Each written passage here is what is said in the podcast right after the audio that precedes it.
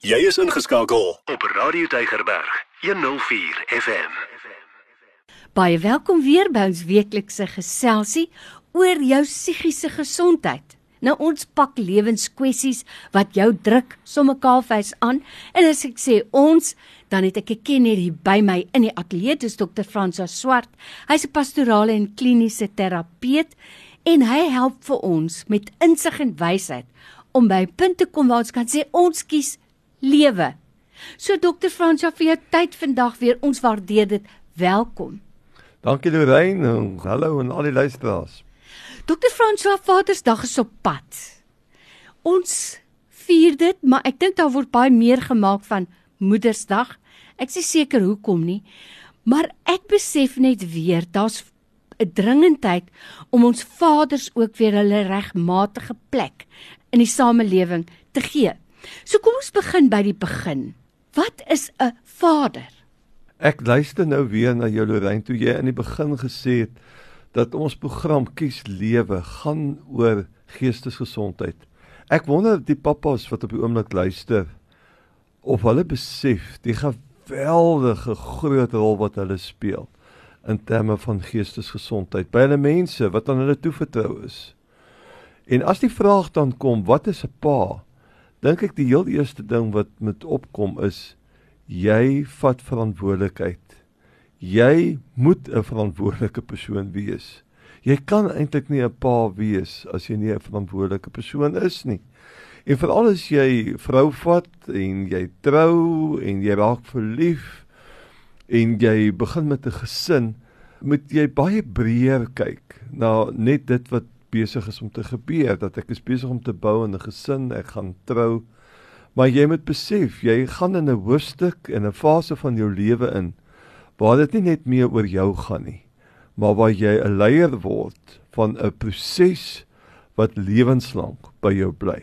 Dis 'n vader is is eintlik 'n wonderlike opdrag wat jy kry. En veral as gelowiges is dit 'n 'n gawe wat na jou toe uitgehou word deur die Gees, maar dis 'n verantwoordelikheid en jy moet weet jy moet versigtig trap omdat jy so groot invloed het op die mense wat direk aan jou toevertrou is. Dr. François Swart sit hier by my en Dr. François wat ek veral waardeer is dat ons ook hierdie lewenskwessies kan aanpak vanuit die oogpunt van die Bybel. En dis jy's my volgende vraag. Waarom kies God wat alomteenwoordig alwetend is, almagtig is, wat nie beperk word deur tyd en ruimte nie. Waarom kies God om homself aan ons as mense bekend te stel as 'n Vader? Eh, dit is 'n goeie vraag, maar ek dink 'n mens moet binne die konteks ook sien wie is God vir jou? En daarom is daar binne die teologie groot gesprekke rondom kan ons sê God is manlik, is hy vroulik?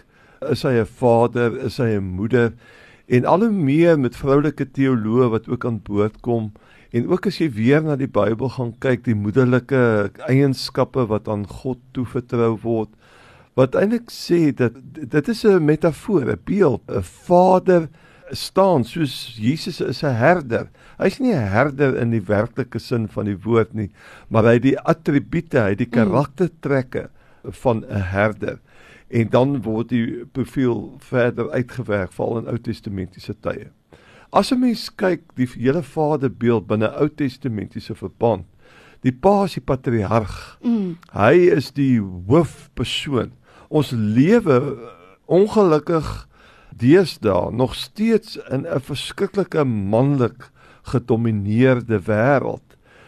Ek weet nie of ons regtig al heeltemal die pad geloop het nie. Ek dink nie so nie in terme van wat 'n vrou is en wat 'n man is en dat die een nie belangriker as die ander een is nie.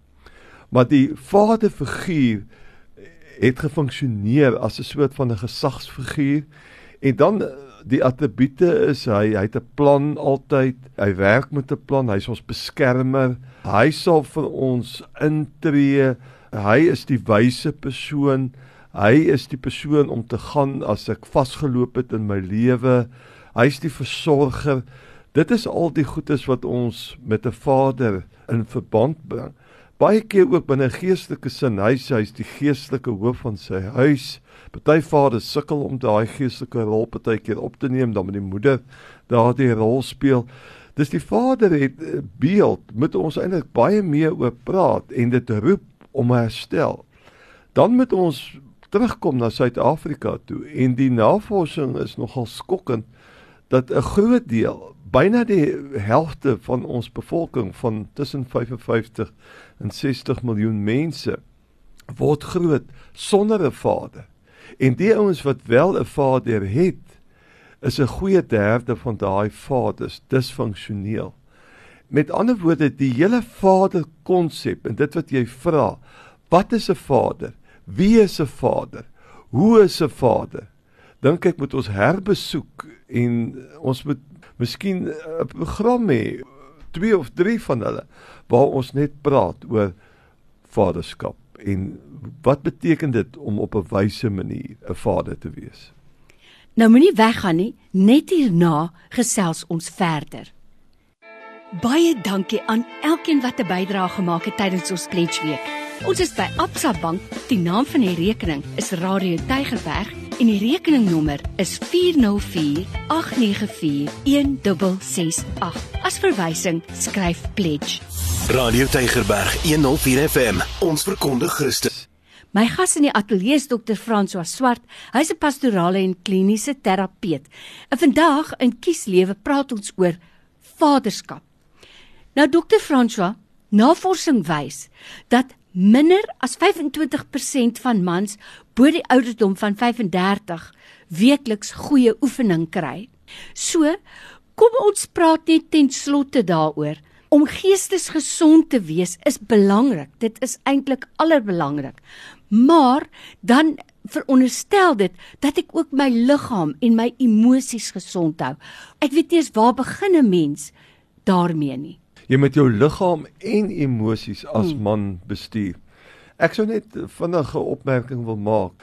Net wou sê 'n pa is iemand wat veilige ruimtes vir sy mense skep waar hulle tot hulle self kan kom en hulle poten, volle potensiaal kan bereik.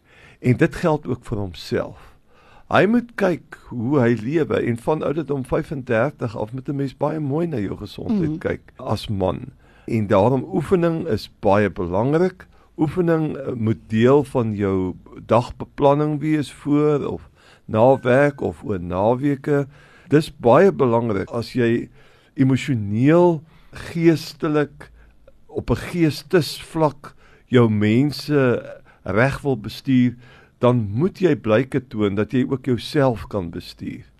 En daarom sou ek graag wil afsluit met die hele gedagte Lorraine dat paas tog moet waak daarteen dat hulle sê jy doen soos wat ek sê, maar jy moenie doen soos wat ek doen nie. Nou ons pappa sê dit nie so direk nie. Maar die kinders en ons mense rondom ons kyk na ons en hoor dat ons 'n klomp goedes vir mekaar sê, Maar die groot vraag is, doen jy dit self? Mm. En daarom as ons praat oor hoe jy jou liggaam bestuur, is dit wonderlik as die pa byvoorbeeld op Saterdagoggende sê, ek gaan die parkrun doen. Wie gaan saam? Want as hy die leiding neem, 10 teen 1 sal daar van die kinders wees wat graag saam met hom wil stap. En op dié manier is hy nie net besig om sy eie liggaam in stand te hou nie, maar ook sy hele familie ook na hulle gesondheid op die manier om te kyk. Dokter Franswa, jy het dit nou net nou maar so duidelik gesê. Oor hierdie onderwerp is daar nog baie oor te gesels. Byvoorbeeld hoe ek my liggaam fisies voed, wat ek binne in my liggaam plaas, kos en drank, maar ook my oë en my ore. Waar waaraan leen ek my oë en my ore toe die vensters na my siel toe? Daaroor kan ons nog gesels, maar ek wil afsluit deur te sê. Dis vir my belangrik dat ons gesels hieroor en ek dink as paas net vir 'n oomblik stil staan en gaan besin. Hoeveel mense afhanklik is van hulle vir hulle welstand, sal hulle anders kyk na die gesondheid van hulle eie liggaam en siel en gees of hoe? Absoluut. En ek wil sê dan om af te sluit, ek wil hê die pappas met 'n Vadersdag geniet Dis heilige oomblikke in jou lewe en as jy 'n gesin het wat dit vir jou spesiaal maak, behoort jy eintlik op jou knieë te gaan en te sê dankie dat ek ook hierdie ervaring as 'n pa kan hê dat my mense vir my ook eer. Ons moet dit net waardig wees.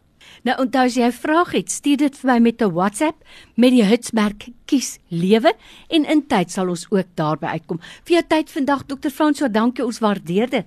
Dankie Lorraine en groetnis aan al die luisteraars. Elke dag jou nommer 1 keuse. Radio Deugerberg 104 FM.